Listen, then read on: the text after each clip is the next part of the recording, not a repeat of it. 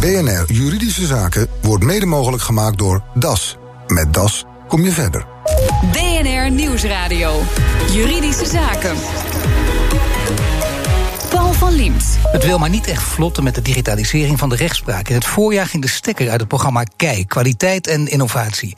En na de nodige negatieve publiciteit is nu een van de weinige concrete initiatieven voor digitalisering, e-court, op sterven na dood.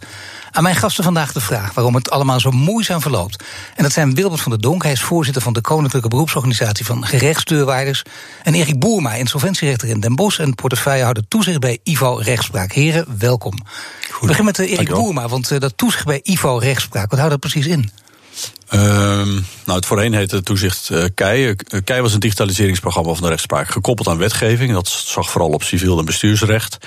Uh, daarnaast had je nog een poot die zich richt op strafrecht en een tak. En ik ben daar verantwoordelijk voor geweest met, met mijn team samen sinds 2013 al het digitaliseren van alle toezichtszaken. Dus alles waar een rechter een toezichtrelatie heeft met een curator, een bewindvoerder, eigenlijk een opdrachtgever is in die zaken. En dat programma, dat loopt eigenlijk nog steeds, dat stond eigenlijk los van het nieuwe procesrecht en de hele wetgevingstraject. Nou heeft uh, KEI een prachtige afkorting en die staat voor kwaliteit en innovatie, zoals ik net al zei. Maar ja, uh, het heeft al met digitalisering te maken en het is ook mislukt. Het gaat niet goed. Hoe komt het dat het zo'n ongelukkig huwelijk is? Um, nou, ter relativering, ik zeg toch maar even. Kijk, sommige dingen, digitalisering lopen. Hè. Strafrecht is 80, 85 procent digitaal. Dat is heel complex, want dan heb je te maken met OM en advocatuur en het Openbaar Ministerie. Dus dat zomaar digitaal maken, dan heb je heel veel grote ketenpartners bij elkaar. Maar is eigenlijk niks aan de hand dan? Nou, dat zeg ik niet. Uh, en bij ons hebben we die stap ook gezet. Dus eigenlijk digitaal, uh, digitale alle faillissementen zijn 80, 90 procent digitaal. We zijn nu bewind aan het opschalen. Wat, daar, wat je daar ziet bij die twee programma's is dat dat een beetje onder de radar van de politiek is gebeurd. Dus zonder wetgeving. En het is een groeiproces. Het is een veranderproces. Dus je moet denken vanuit de vergezicht en je moet gestaag opbouwen. Maar kun je toch zeggen dat veel rechters op dit gebied zeer conservatief zijn en liever er niet in meegaan? Nou, ik, ik bij, bij Niet fijn om het over de collega's te zeggen, maar we kunnen beter nou, de ja, nou, ja, nee, ja, ja, klopt. Ik ben natuurlijk een gelover van verandering, want anders ga je niet zo'n rol op je nemen. Vooral, hè. Dus dat, dat zal mijn oogklepje zijn, maar daar geloof ik ook echt in. Ik denk dat er heel veel rechters echt wel zien, al jarenlang, ja, we moeten die stap naar digitaal maken, die moeten we zetten. Um, we hebben natuurlijk een lastige sturing op de organisatie, omdat we elf rechtbanken hebben. En we hebben niet echt een één concernleiding. Dus dat is eigenlijk de strijd tussen toch ook wel uh, de president en de raad. Hè. Is dat nou een één concernleiding? Of ja, wie, wie, dat, dat, zie je, dat speelt hij toch ook wel een beetje omheen.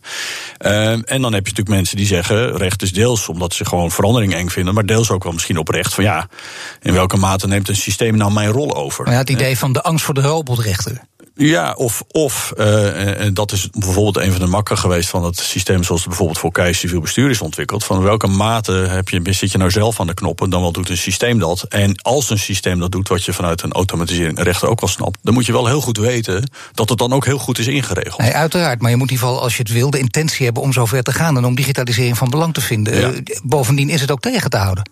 Uh, ook in de rechtspraak? Nee, niet. Ik denk dat nu heel veel rechters eigenlijk zitten... oké, okay, wat wordt nu het nieuwe plan? En ook heel veel mensen meer teleurgesteld zijn... en een blauwe oog hebben opgelopen in die verandering. Maar wordt het zoiets als uh, KEI 2.0 of ga je echt een hele nieuwe naam verzinnen? Nou ja, het nieuwe plan heet nu het basisplan uh, voor civiel bestuur... wat eigenlijk zegt, nou laten we ons in godsnaam focussen op de voorkant inregelen... zodat professionele partijen zoals advocaten of deurwaarders zoals, zoals Wilbert... Hè, in ieder geval wel toegang hebben die staat tot de rechtspraak. Ja, Wilbert van der Donk, ja. van de rechtsdeurwaarders. En hopen dat de meeste rechters snel zo het inzicht krijgen... dat Erik Moerma heeft niet? Nou, Erik is een, een, een, verklaard voorstander van digitalisering. Ik denk dat er, dat er meer rechters zijn die, die ook sterk voorstander zijn van digitalisering. Het is ook niet te stoppen om, om je eerdere vraag te beantwoorden.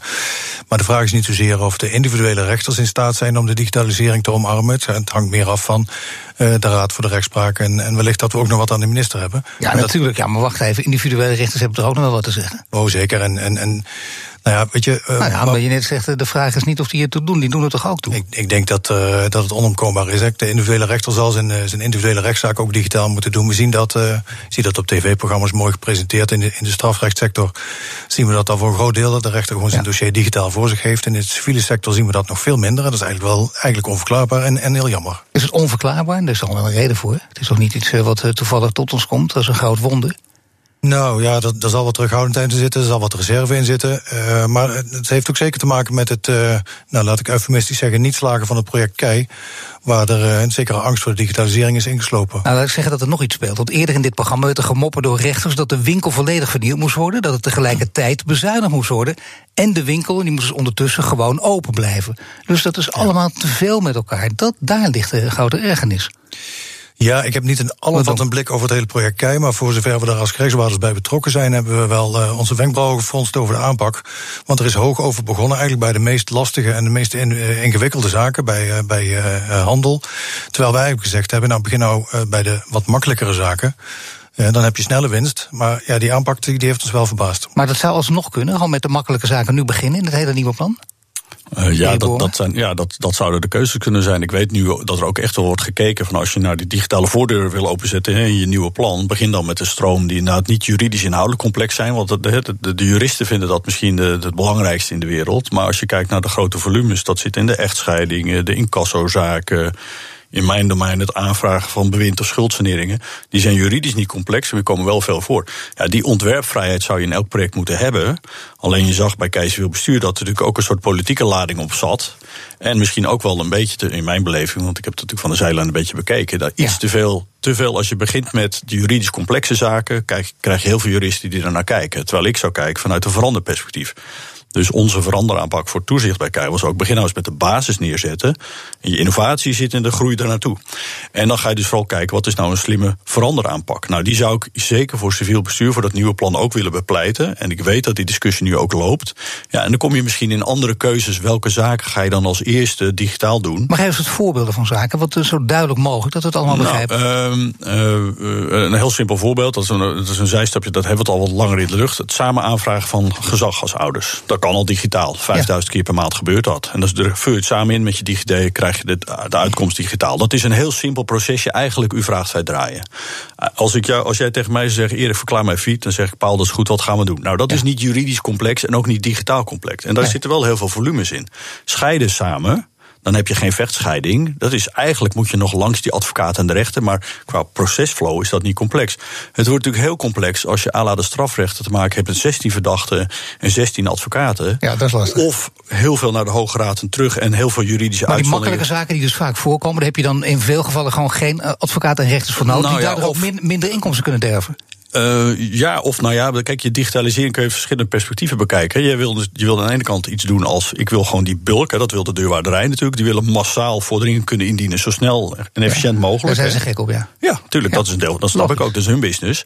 Dat is natuurlijk een heel ander iets dan 20 jaar procederen over een civiele zaak tussen twee partijen en advocaat. Dat gaat over kennis en dat gaat over grote belangen. Het gaat veel geld. Dat is, dat is maar één dossier, maar dat loopt heel lang. En dat, dus je moet kijken vanuit de, al die stroom. De rechtspraak doet natuurlijk heel veel op heel veel vlakken. En ik merk zelf als rechter ook. Mensen vragen mij altijd als eerste strafrecht en vreemdelingenrecht. Ja. Want dat is wat op de voorpagina van de Telegraaf staat. Maar bij bewind aanvragen, 40.000 verzoeken bewind per jaar. Dat gaat over mensen met zorgen, met gehandicapte kinderen. Dat, daar zit heel veel volumes in, zeg maar. En als we het daar beter kunnen doen voor burgers, dan kunnen we ook heel veel. Dat heeft dus niks met advocaten nee, te maken. Nee, als het over volumes gaat, gaat het natuurlijk ook over de gerechtsdeurwaarders. En inderdaad, uh, meneer Van Donk, die zijn er gewoon gek op natuurlijk. Logisch, zo bij je vak ook. Maar waar zit dan de grootste ergernis? De grootste ergernis is dat we grote uh, aantallen zaken hebben. Er komen nu zo ongeveer 350.000 zaken per jaar bij de, bij de kantonrechter uit. Waarvan uh, 80, 90 procent verstek is. Dat zijn, wat Erik terecht zegt, juridisch geen ingewikkelde zaken. Dat zijn gewoon incassozaken. Onze ergernis zit, er, zit hem daarin dat alle deurwaarders voorkomen digitaal werken. Maar op het moment dat we de rechtspraak moeten benaderen, gaat dat uh, van digitaal helemaal terug naar papier. Maar helemaal terug naar papier gaat geloof ik zelfs nog verder. Je kunt ook niet e-mailen, maar je moet faxen. Ja, de e-mail is een, eh, is een soort verboden communicatiemiddel, want dat, eh, dat lijkt te gevaarlijk te zijn. En inderdaad, uh, de, ik heb op mijn kantoor nog een fax. Ja, maar het lijkt, te nee, wacht even, het lijkt te gevaarlijk te zijn. Of is het serieus? Als je dat echt even op zijn merites beschouwt, als het over de nieuwe privacywetgeving gaat, is het dan ook te gevaarlijk? Nou, dat, dat zou kunnen, maar de oplossing ligt ook niet in e-mailen. De nou, oplossing, ligt, kunnen, de oplossing moet liggen volgens ons in de, de, ontsluiting van de systemen. Hè. De deurhouders hebben systemen en de rechtspraak heeft een digitaal systeem. Die moet je ontsluiten en niet met een simpel e-mailtje, want het is eigenlijk nog geen digitale oplossing. Je moet wat, wat verder denken. Je moet dus denken in datastroom en een productiestroom. In plaats van een simpel e-mailtje. Dat is echt heel veel. Precies. Dus gewoon die, die, dat zijn allemaal stappen die je kunt overslaan. Maar, maar de fax die blijf je nog steeds wel even nodig houden. Dus een fax hebben jullie ook nog steeds. Ja, die heb ik nodig. En alleen voor de rechtspraak moet ik zeggen. Ja, die kun je nog steeds kopen ook, hè, faxen. Nee, daar hebben we allemaal digitale oplossingen voor. ja, zie je, dat is toch de enige mogelijkheid. Maar dat betekent dus wel, als je stappen heel snel gaat nemen, heb je dan ook nog met die privacyverordening te maken? Of valt het dan die Europese privacyverordening? Ja, die Europese privacyverordening ziet natuurlijk op iedereen. Die zit op het, uh, op het werk van de krijgswaarders. Maar maakt het daardoor het werk makkelijker of eenvoudiger? Nou, het is wat lastiger geworden, want je moet uh, uh, wat meer aandacht schenken aan de vertrouwelijkheid van informatie. Maar laten we wel zijn, als wij een zaak bij de rechter aanbrengen, dan is die rechter natuurlijk wel uh, ook, het is die rechter wel toegestaan om van de personalia uh, kennis te nemen, anders zou die moeilijk kunnen rechtspreken. Ja, laten we zeggen wat jullie nu verteld hebben. Dat is een beetje het verhaal waar het nu over gaat. Uh, waar de problemen liggen, de fricties een beetje. Dus het gaat over rechtspraak en digitalisering. Heel goed voorbeeld is e-court, want daar is heel veel over te doen. Daar gaan we het zo over hebben. Want met e-court leek ook een stap in de goede richting te worden gezet. Maar waarom wil niemand meedoen? BNR Nieuwsradio.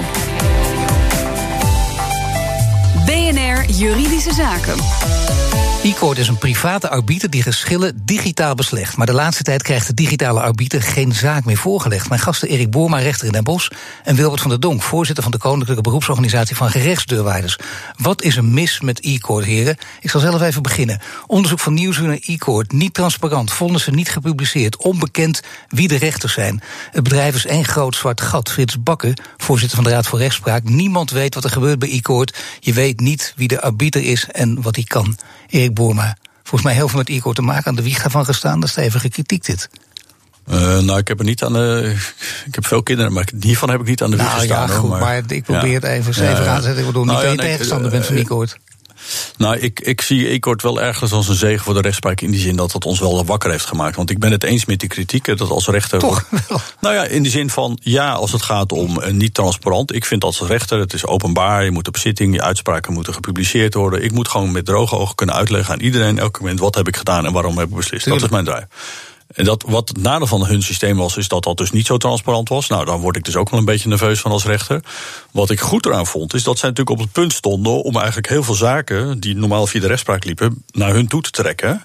Ja. En daarmee werd het een bedreiging voor ons. Dat is heel goed voor ons als instituut, want de rechtspraak is niet onaantastbaar. Ja, maar het argument, je weet niet wie de arbiter is en wat die kan, van Frits Bakker.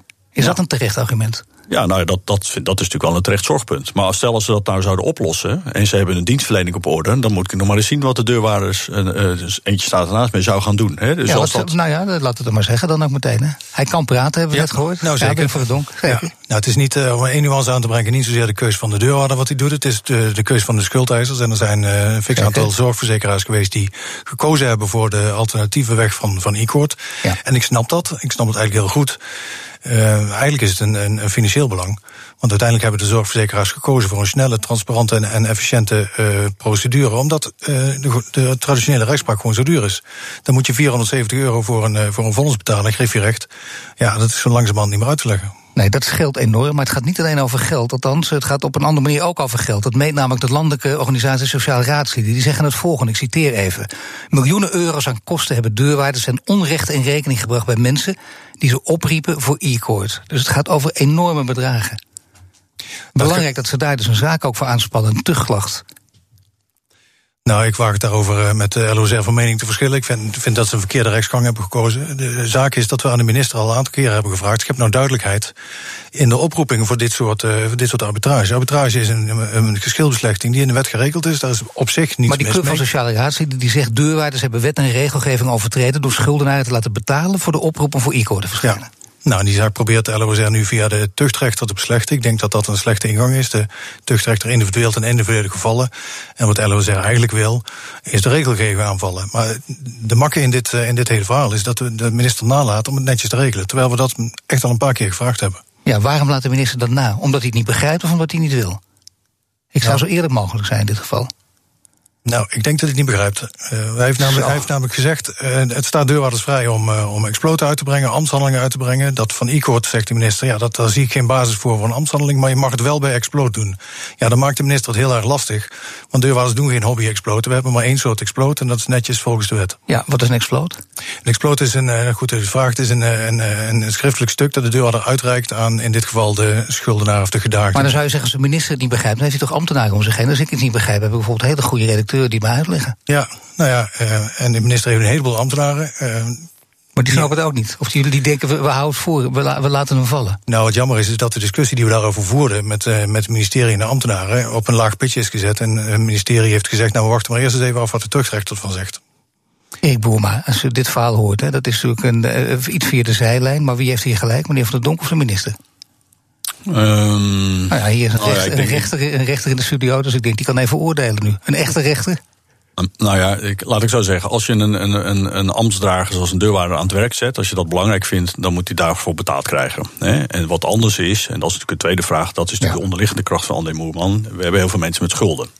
Dus die griffierechten... voor de duidelijkheid, dat is dus de man van de Organisatie ja. van Sociale Raadslieden. Ja, en als ik vanuit zijn perspectief, ik ken hem ook, vanuit zijn perspectief kijk, dan heb je dus burgers met schulden, die komen om in de problemen, die maken een post niet open en dan moeten ze naar de rechter, dat snappen ze niet, dat vinden ja. ze in de griffierechten ook. En dan komt ook de deur, kost geld. Dus dat is, dit is meer in essentie de noodkreet vanuit die sociale raadslieden. De jongens, die burgers zitten tussen, hebben, ja. die gaan, worden gewoon vermalen in de molen en dan komen de deurwaarders vanuit via e-court er ook nog eens overheen. Het achterliggende probleem is natuurlijk gewoon... hoe ga je nou burgers helpen met geldproblemen? Maar hier zit Wilbert van der Donk natuurlijk ook uh, mee te knikken. Ja, ja. Nou, ik knik van harte mee. Want kijk, de, de uitdaging voor de krijgsbewaarders is te onderscheiden... met welke, met welke soort schulden hebben we te maken. En nou, de overheid brengt dan voor het gemak even het uh, verschil aan... tussen de niet-kunners en de niet-willers. Nou, het nadeel is, als wij aan de deur komen... er staat geen stickertje op de voordeur... of het een niet-kunner of een niet-willer is. We nee. zouden heel graag in staat zijn om dat beter te onderscheiden. Want met André Moerman ben ik van harte eens... Ja, dat wij de mensen die echt problematische schulden uh, last hebben, ja, die moeten wij niet lastigvallen. Maar okay, moeten we elkaar wel zijn we het allemaal eens. Volgende week is Frits Bakker hier te gast, omdat hij afscheid neemt van de Raad voor de Rechtspraak. Dus we kunnen hem geen opdracht meegeven op dit gebied. Maar wat moeten we hem zeker vragen? Welke vraag moet zeker aan hem gesteld worden? Hilbert van der Donk.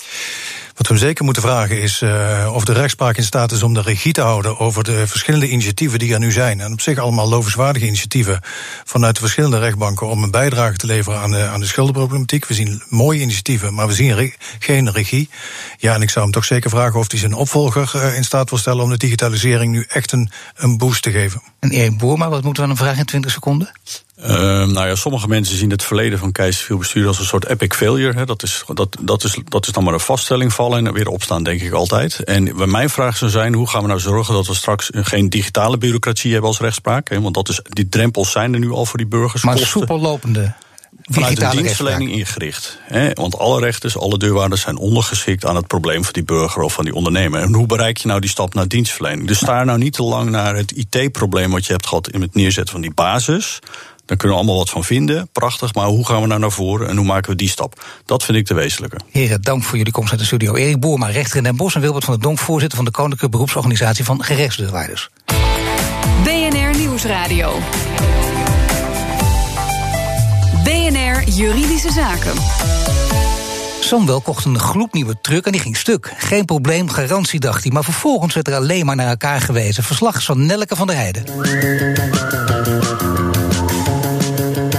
Giragosian, u heeft samen met uw broer een gloednieuwe vrachtwagen van Mercedes gekocht.